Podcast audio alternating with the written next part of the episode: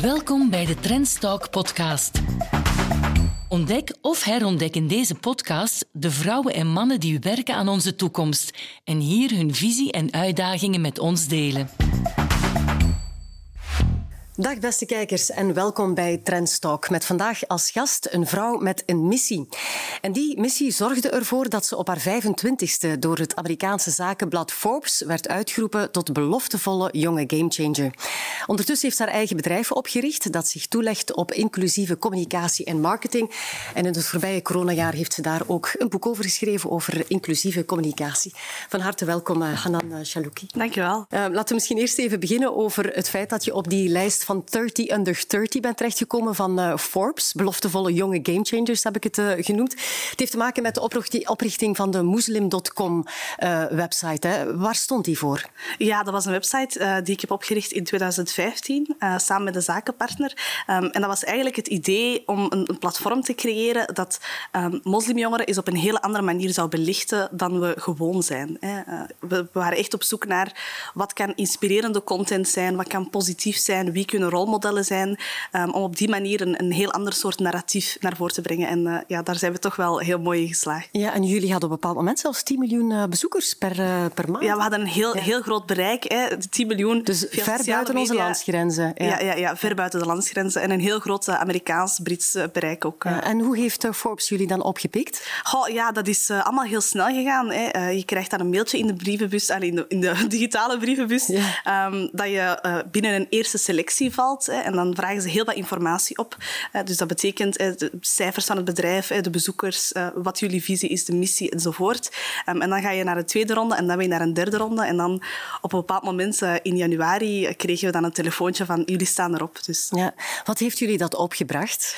Oh, heel veel aandacht, moet ik zeggen. Um, en ook, ik denk, een, een, fantastische erkenning. Als we weten wie dat er in die jury zat van Forbes op dat moment, dat waren mediamagnaten, vrouwen zoals een Ariana Huffington, die op dat moment in de jury zat. Dat is natuurlijk wel een hele eer dat hij jouw naam eruit pikt en zegt, ja. hm, die mag wel op die lijst komen te staan. Dus het was vooral heel veel positieve aandacht. Ja. En, en, ervaar je het ook als druk van, ik moet het hier nu wel gaan waarmaken? Oh, ik denk op dat moment wel. Uh, je bent 25, nog niet zo heel lang aan het ondernemen, dus daar komt sowieso wel wat druk bij kijken. Um, ik denk op dit moment is ondertussen vier jaar geleden, kan ik het toch al, al iets beter relativeren. Ja.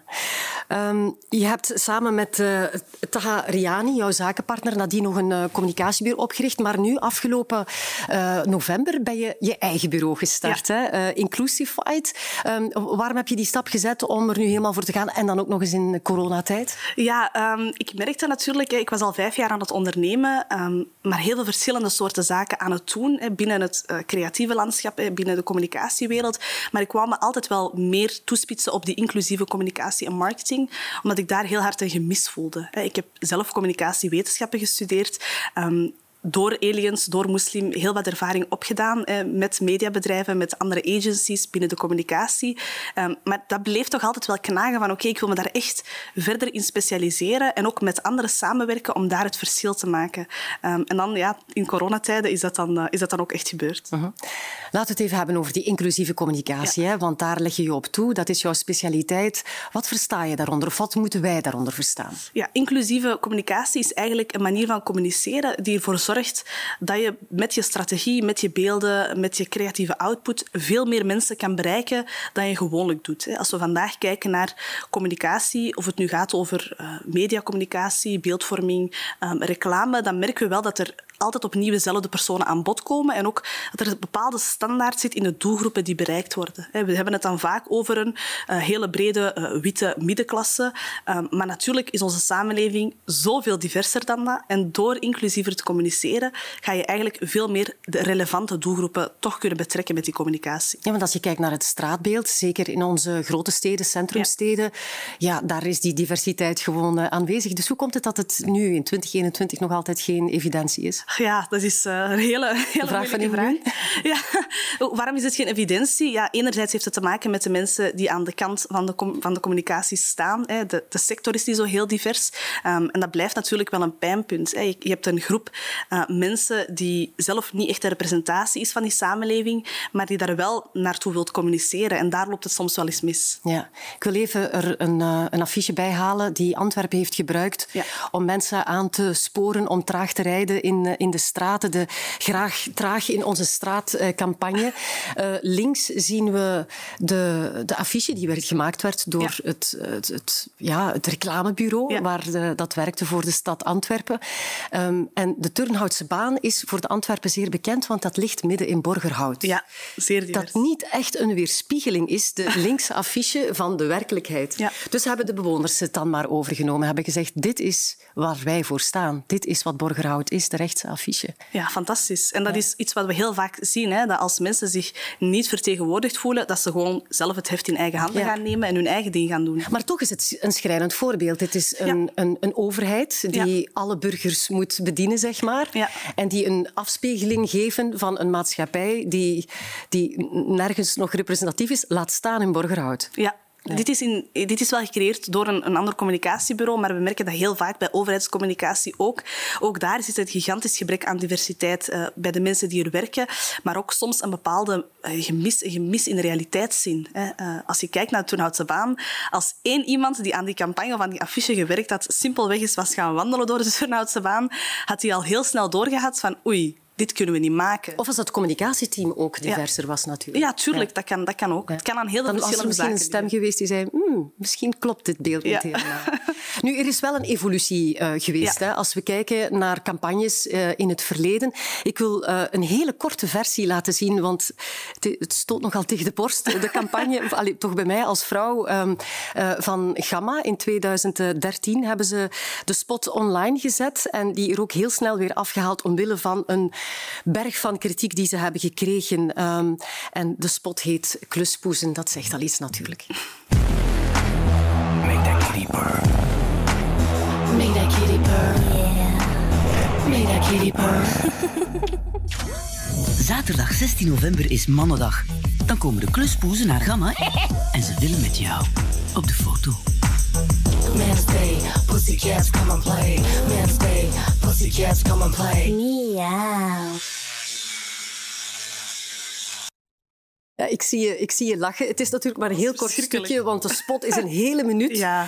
Um, dus ik heb hem uh, bewust wat ingekort, maar uh, allee, de, het, het, het, ik denk dat de boodschap duidelijk is. Zeker. Nu, ik, ik kan wel begrijpen dat, dat misschien mannen zeggen ja, jullie kunnen niet tegen humor. Dit is niet serieus te nemen. Oh, ja, dat is natuurlijk een discussie die je lang kan voeren. Hè. Wat is er grappig, wat is er niet grappig? Um, ik denk wel dat we ons bewust moeten zijn van bepaalde ongelijkheden in onze samenleving. Hè. En het is een, een, een feit dat vrouwen nog steeds um, heel vaak moeten onderdoen voor mannen in eender welke sector. Hè. Uh, vaak ook niet serieus genomen worden. En dit soort communicatie of reclame helpt daar niet bij. Er is ook een onderzoek geweest van Kantar onder andere, um, dat ook heeft bewezen dat vrouwen die geconfronteerd worden met deze reclame of, of met hele genderstereotype reclame, dat ze snel gaan doorspoelen of dat ze toch ja, zich totaal niet vertegenwoordigd voelen. En dat merken we wel. Vrouwen worden steeds um, in reclame nog altijd heel vaak ofwel in beeld gebracht als een heel zorgende figuur, als de mama, de oma, de persoon die aan het koken is, de was aan het doen is, ofwel als een seksueel object.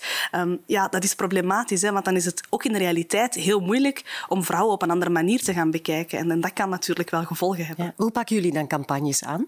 Ja, we proberen wel heel dicht bij de realiteit te blijven vooral. Hè. Ik denk dat dat uh, een essentiële voorwaarde is om inclusief te communiceren, is dat je zorgt voor een realistische representatie. Um, het feit dat er vrouwen zijn die van alles aan het doen zijn, die hele mooie dingen aan het doen zijn, dat moeten we vaker kunnen zien. Uh, dat moeten we ook vaker in beeldvorming aan bod laten komen. Dat beïnvloedt ook de manier waarop jonge meisjes naar zichzelf gaan kijken. Uh, en dat is, dat is waarom het zo cruciaal is. Je spreekt in je boek ook over superdiversiteit. Hè? Ja. Het gaat niet louter en alleen, nu richten we ons naar bijvoorbeeld uh, mensen met een etnische achtergrond ja. of we richten ons nu naar een vrouwelijk publiek. Die superdiversiteit, daar zitten veel meer nuances in hè, dan wij ja, denken. dat klopt inderdaad. Uh, superdiversiteit is eigenlijk een begrip dat erop duidt dat er heel veel diversiteit bestaat binnen die diversiteit. We hebben nogal de neiging om soms te gaan veralgemenen als het op, doel, als het op doelgroepen aankomt. En dan spreek ik over de Belgische Marokkanen, de Belgische Turkse gemeenschap. Maar we vergeten dat er binnen die diversiteit natuurlijk ook heel veel verschillen bestaan. Dus dat betekent, als we het hebben over hè, die Belgische Marokkaanse gemeenschap bijvoorbeeld, dat er heel veel verschillen zijn, zowel qua economische status, opleidingsniveau, um, religie. Um, maar dat zijn allemaal zaken die we snel uit het hoofd verliezen. Maar dat maakt het toch heel erg moeilijk, want eh, als je een, uh, een campagne lanceert, dan, dan doe je dat al via een massamedium meestal. Ja. Dus hoe kan je dan ja, je echt richten tot de doelgroepen die jij als, als, als bedrijf belangrijk vindt? Ik denk dat vooral of organisatie. Is, ja, ik denk vooral dat het belangrijk is om, uh, om te beseffen dat je doelpubliek vaak in de realiteit veel diverser is dan je zelf denkt. Hè. Dus dat betekent, als je je wilt richten tot ouders bijvoorbeeld, als we altijd opnieuw alleen maar mama, papa en de twee kindjes te zien krijgen, ja, dat is niet realistisch hè, voor, voor de ouders die er vandaag zijn in onze samenleving. Hè. Dan heb ik het over uh, de, de, de koppels die niet uh, uit heteroseksuele relaties bestaan, de, de alleenstaande ouders, de mensen die heel etnisch divers zijn.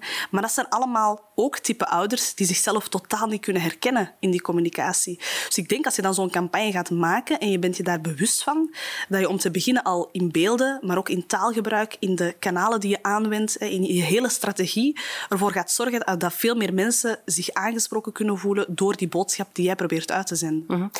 Die kanalen is ook wel uh, interessant natuurlijk, hè? want de, de marketeer van vroeger, zeg ja. maar, dan had je een geprinte campagne, je had televisiespots, ja. uh, uh, maar dat is natuurlijk nu veel breder. Ja. Hoe, hoe kan je je toespitsen op de mensen die, ja, ook met, bijvoorbeeld met de vaccinatiecampagne, die moeilijker te bereiken zijn? Ja, het is natuurlijk een kwestie van ontdekken waar die mensen wel te bereiken zijn. Uh, en sommigen zullen dan eerder duiden op een influencercampagne, bijvoorbeeld online. Anderen zullen zeggen, oké, maar niet iedereen is digitaal geletterd. Sommige mensen hebben nood aan printreclame.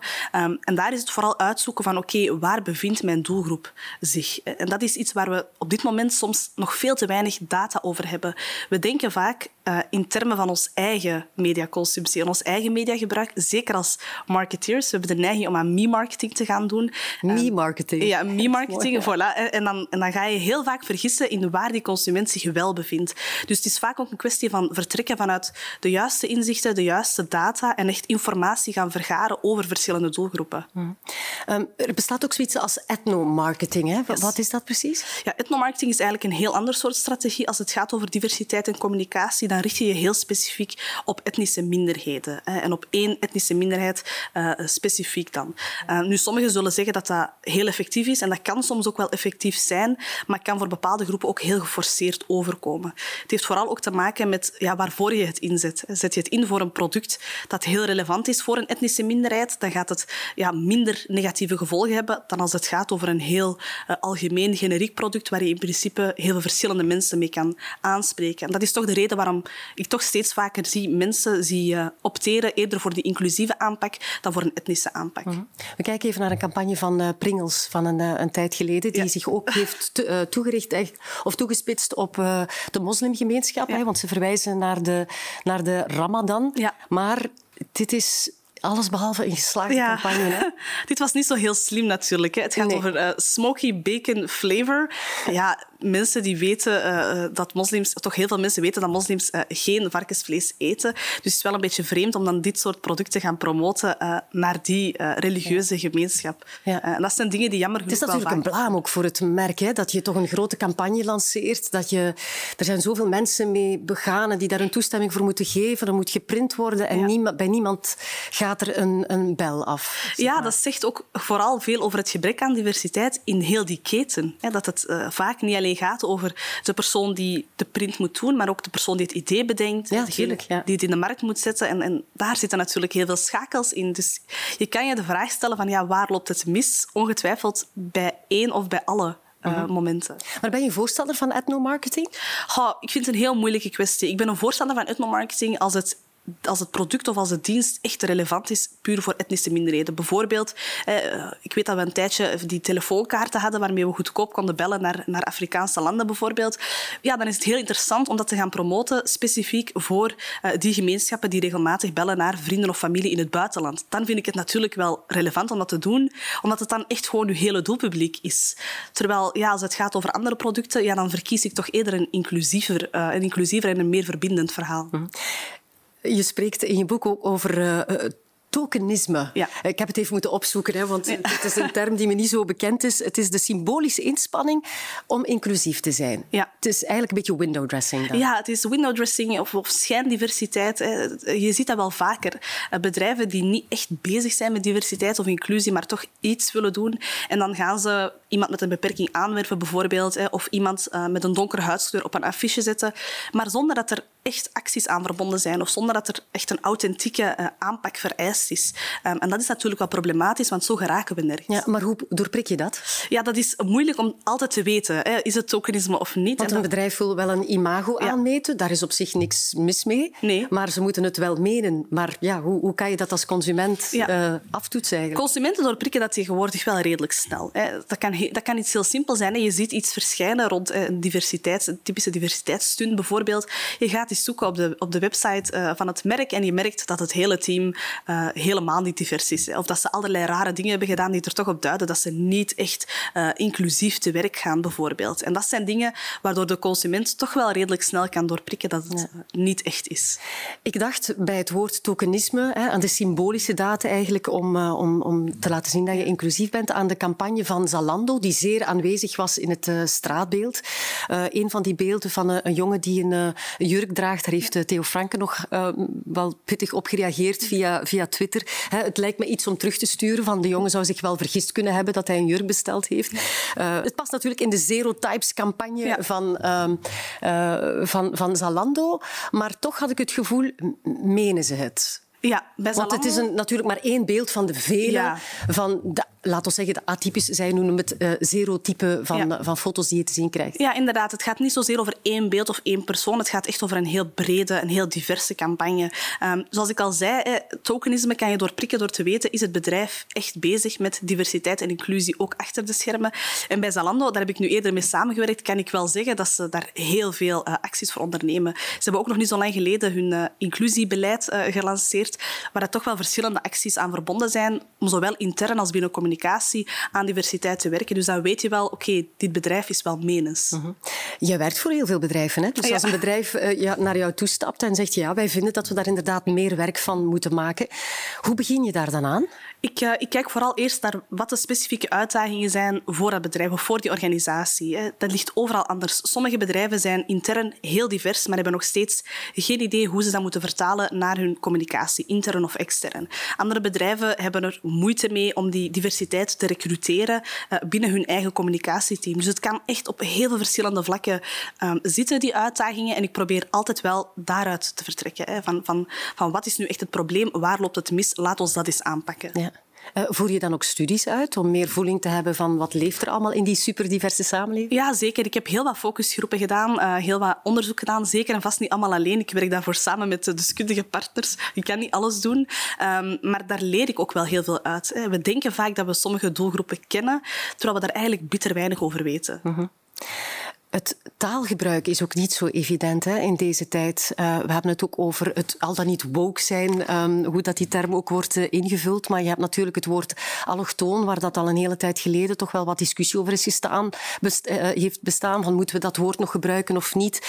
De LGBTQI-gemeenschap, zeg maar, de etnische minderheden. je hebt natuurlijk de genderverschillen. Um, hoe ga jij daarmee om?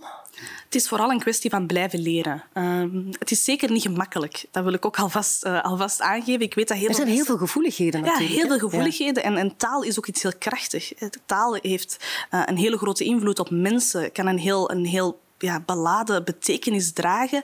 Um, dus het is ook wel belangrijk om daar bewust mee om te gaan. Maar ik moet toegeven, iedereen heeft daar een leerproces in. Ook ik heb daar een leerproces in, in, in gehad. Hè. En bepaalde dingen zeg je eerst wel en dan een jaar later ontdek je oei, eigenlijk mogen we dat niet meer zeggen. Je gaat uitzoeken waarom dat het geval is en dan blijkt dat er... Kan je een voorbeeld geven? Oh, daar moet ik eens eventjes over nadenken. Ik denk bijvoorbeeld het hele blank versus wit verhaal. Had mij dat tien jaar geleden gevraagd. En ik zou altijd verwezen hebben naar blanke mensen, blanke mensen. Maar als je dan gaat kijken van oké, waarom zeggen mensen wit? Eh, wat is de connotatie of, of de, het verhaal dat daarachter zit? Dan ga je wel leren dat het heel belangrijk is. Dat er ook een koloniaal verleden aan verbonden is bijvoorbeeld. En het is dan maar een hele kleine moeite om wit te zeggen. Eh, ja. Dus het zijn het zijn inspanningen, zeker en vast. Maar als je weet dat je andere mensen daar eh, een beter gevoel door kan geven en ook gewoon ja, meer erkenning kan bieden voor bepaalde identiteiten, dan vind ik het persoonlijk maar een kleine moeite. Ja, Eh, maar voor andere mensen hebben natuurlijk het idee, wat, wat maakt het nu uit, blank Ja. of eh, wit? Ook een beetje de Zwarte Piet-discussie. Goh, het is een traditie, het is allemaal zo slecht niet bedoeld. Ehm, maar het, het is inderdaad wel kwetsend voor een, een, een bepaalde bevolkingsgroep. Ja, en dat is soms moeilijk in te schatten, omdat je zelf een bepaalde positie hebt, bepaalde privileges hebt, dingen waar je totaal niet bij stilstaat. hè. Je vertrekt vanuit je eigen wereldbeeld, je eigen mensbeeld, en het is soms een uitdaging om dat in vraag te stellen. Maar ik geloof wel, door gesprekken aan te gaan met anderen, dat je wel kan begrijpen van oké, waarom is dit belangrijk voor die persoon of voor die groep mensen. Ik heb een, eh, een, een reclamespot eh, gevonden die online is gegaan. Bij mij weten enkel online van eh, Mastercard, die heel erg heeft ingezet op die erkenning van de gevoeligheden. Die ligt bijvoorbeeld met mensen die zich niet in het juiste lichaam voelen. En dan staat er natuurlijk een bepaalde naam op, jouw op jouw bankkaart. We gaan even kijken.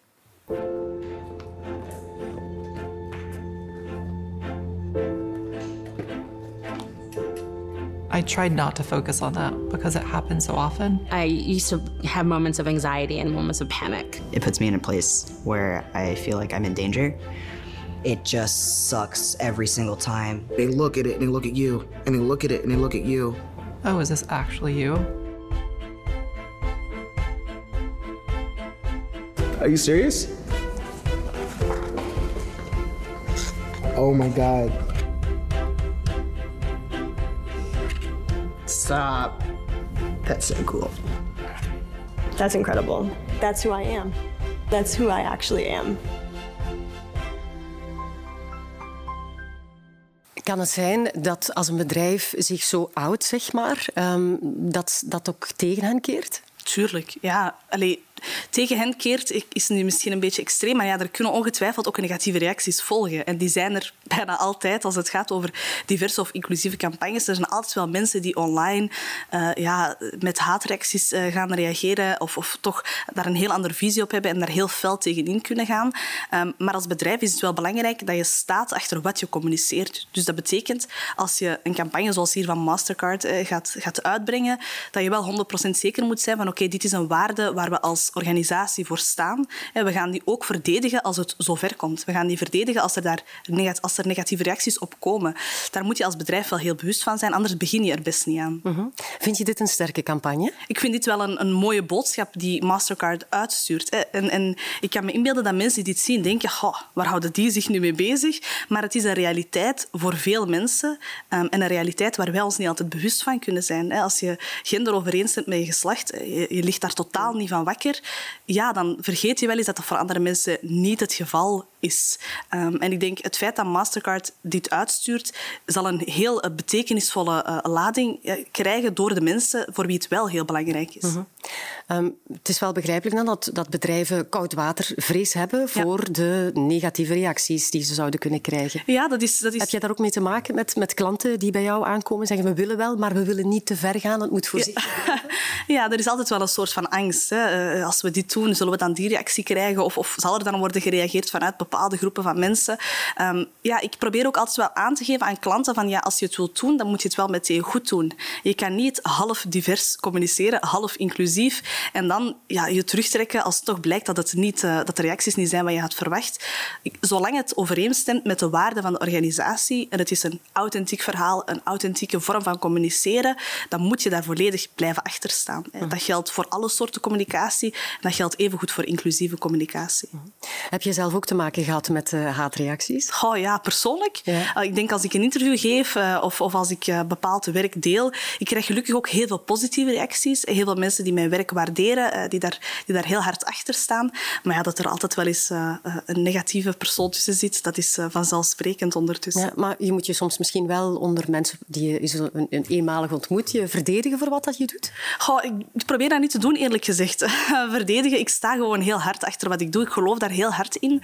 Um, en als iemand anders dat niet fijn vindt, ja, je hebt daar absoluut terecht op. Hè, om, om, om een bepaalde campagne uh, uh, ja, weg, te, weg te klikken hè, of, of uh, iets anders te gaan kijken als het je niet bevalt. Hè. Dat, is, dat is een vrije keuze die iedereen, uh, die iedereen voor zichzelf kan maken. Nu, wat zijn de, de valkuilen als een bedrijf uh, zegt ik, wij willen daar nu echt werk van maken? Welke fouten kunnen ze maken of welke valkuilen kunnen er zijn ja. waarvoor jij hen dan kan ont, ja. behoeden, zeg maar? Ik denk de grootste valkuil is ehm, denken dat het allemaal puur een kwestie is van beelden bijvoorbeeld. Hè. Dan, dat, dat ze heel ja, diverse beelden gaan delen of gaan gebruiken en denken, wow, dat zit wel goed, uh, maar heel veel andere stappen gaan overslaan. Dus dat betekent, als je nu werkt aan die interne diversiteit, ja, dan mag je nog zo divers communiceren als je wil. Dan gaat het toch altijd ja, ergens een beetje wringen, bijvoorbeeld. Dus ik denk vooral ja, beginnen vertrekken vanuit de juiste inzichten, maar ook wel bereid zijn om in de spiegel te kijken en, en intern het nodige werk te doen. Ja, maar dan nog bestaat het gevaar voor ja. uh, stereotypering. Hè? Ja. Uh, ik, ik, heb een, een, een, campagne van Bicky Burger van ja. eind 2019, nog niet eens zo lang geleden, hè, uh, waarin dat, een man de vrouw heel hard tegen de grond slaat omdat het doosje van Bicky Burger wit is en niet groen. Dus dat wil zeggen dat ze de fouten, een fake Bicky Burger heeft gebracht. Ook de vrouw die het eten naar de man moet, moet brengen.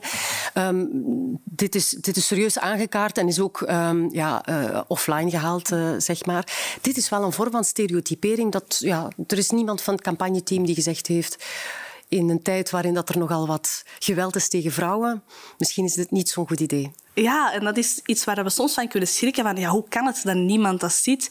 Uh, maar zoals ik al zei, we leven allemaal heel hard in onze eigen wereld. Hè, en soms zitten er stereotypen zo vastgeroest dat het heel moeilijk is om naar buiten te kijken. Het is daarom ook wel altijd ik aanraad van laat andere mensen eens naar je beelden kijken, naar je reclame kijken. Hè. Laat anderen toe om feedback te geven en ga daarmee aan de slag. Natuurlijk, ja, zo'n beelden in 2021 is dat verschrikkelijk. In 2019 is dat verschrikkelijk.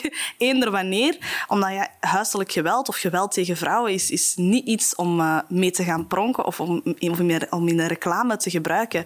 Um, en voor ons kan dat misschien vanzelfsprekend zijn, maar ik kan me inbeelden dat dat voor sommigen helemaal niet het geval is. Je benadrukt heel vaak het belang, het team dat ja. achter een campagne zit, um, de diversiteit die ook binnen uh, het bedrijf uh, heerst. Um, vorige week, of afgelopen week, uh, chemiebedrijf Solvay heeft bekendgemaakt dat zij de vacatures voor het hoger kader, dat er minstens 50 procent van ondervertegenwoordigde groepen moeten zijn. Dan hebben ze het over leeftijd, geslacht, etnische achtergrond, religie, seksuele geaardheid. Dat is wel heel breed. Ze Mooi. interpreteren het inderdaad ja. heel breed. Um, zie je dat als een vorm van positieve actie? Dat is een positieve actie, um, maar ik zie het niet per se als iets om negatief over te zijn. Er is heel veel discussie over positieve discriminatie, zeggen we dan. Is dat iets wat we moeten ja. toelaten? Um, ik zelf ben daar een voorstander van, als een tijdelijk middel. Dus dat betekent, er is zoveel achterstand binnen tal van bedrijven dat je niet anders kan dan acties ondernemen die de achterstand, om, om die achterstand in te halen. Uh, en om ervoor te zorgen dat je wel ja, relevant kan blijven. Um, we hebben heel vaak positieve acties gezien, ook bijvoorbeeld uh, voor raden van besturen. Dat is wel de reden dat we nu 30% vrouwen hebben uh, in die raden van besturen. Hetzelfde geldt voor vrouwen in de politiek bijvoorbeeld. En dat, dat heeft positieve gevolgen. Voor mij is het wel belangrijk om te benadrukken dat je mensen niet moet gaan aanwerven of in een positie gaan, gaan zetten waar ze helemaal niet voor geschikt zijn. Puur en alleen maar omwille van dat diversiteitskenmerk. Maar als het gaat om kandidaten die in principe de, juiste kwaliteiten hebben en perfect geschikt zijn voor een rol, dan zie ik daar geen enkel probleem in om op basis van bepaalde kenmerken ja, er wel voor te zorgen dat die interne diversiteit goed zit. Zeker omdat we daar nog zoveel werk, uh, zoveel werk aan hebben. Je bent een, we het toch wel zeggen, een succesvolle ondernemer op nog altijd bijzonder jonge leeftijd. Um, zie je jezelf als rolmodel? Ik vind dat een hele moeilijke term, de term rolmodel. Uh, omdat ik altijd denk, ja, ik vind het natuurlijk een compliment hè, als mensen dat zeggen. Ik kijk op naar jou of, of ik vind dat heel fijn hè, en, en heel mooi ook dat mensen dat durven uit te drukken. En wat maakt dat moeilijk? Ja, er schuilt wel een gevaar in natuurlijk. Hè, want opeens ben je een rolmodel en dan moet iedereen die op jou lijkt ook maar daar kunnen geraken. En dat gaat wel in tegen uh, ja, heel veel sociale ongelijkheden. Het is niet zo omdat ik uh, bepaalde dingen heb kunnen overwinnen dat dat voor iedereen even gemakkelijk is. Dus daar probeer ik mij toch wel altijd bewust van te zijn. Wat zijn voor jou de uitdagingen van ondernemen? Oh, er zijn zoveel uitdagingen aan ondernemen. Um, ik denk een van de uitdagingen die ik, die ik altijd heel moeilijk vond, was uh, vooral zelf blijven leren. Uh, je, je, kan zo snel verzeild geraken in uh, dagelijkse taken en opdrachten dat je, dat je soms vergeet om zelf aan die persoonlijke groei te werken. maar ik denk evengoed ja, zaken zoals je, je, je personeel aanwerven, je team opleiden, dat zijn dingen die, die hele grote uitdagingen met zich kunnen meebrengen. Um, omdat toch wel eventjes zoeken is naar de juiste match. En uh, is dit wel iemand uh, met wie ik de komende jaren wil blijven samenwerken? Uh, dat kan zeker in het begin wel een beproeving zijn. Ja. En waar wil je naartoe met, met Inclusified? Want je bent nog maar ja, hebt een paar maanden gestart yes. in november vorig jaar. Dus waar wil je naartoe? Ik wil vooral heel veel impact kunnen realiseren. ik wil dat ook niet altijd alleen doen. Ik werk heel graag samen met andere creatieve bureaus die daar de, nood, de noodzaak ook van, van voelen. Um, heel graag, ik werk ook heel graag samen met andere partners, omdat ik wel merk dat door die samenwerking ook expertise kan doorvloeien naar elkaar. En dat is voor mij wel belangrijk. Ik hoef niet de enige te zijn die uh, zich specialiseert in deze materie. Ik wil vooral dat heel veel andere mensen ook begrijpen wat het inhoudt, wat het betekent en hoe ze er werk van kunnen maken. Oké, okay. uh, meer tijd hebben we niet. Uh, Hanan Chalouki, dank je wel voor dit uh, zeer fijne gesprek. En ik hoop dat heel wat kijkers er iets van hebben opgestoken. En als ze er meer van willen weten, dan kunnen ze altijd jouw boek lezen. Natuurlijk, inclusieve communicatie. zeer boeiend, met een aantal zeer praktische tips. En een aantal van de valkuilen waar we het net ook een beetje over gehad hebben. Dank je wel voor het kijken, dames en heren. En ik wens u verder nog een bijzonder fijn en warm weekend. Trendstalk is de wekelijkse afspraak op kanaal Z, op trends.be en op deze Trendstalk podcast voor een goed gesprek over de thema's die ons alle aanbelangen. Tot volgende week voor een nieuwe aflevering.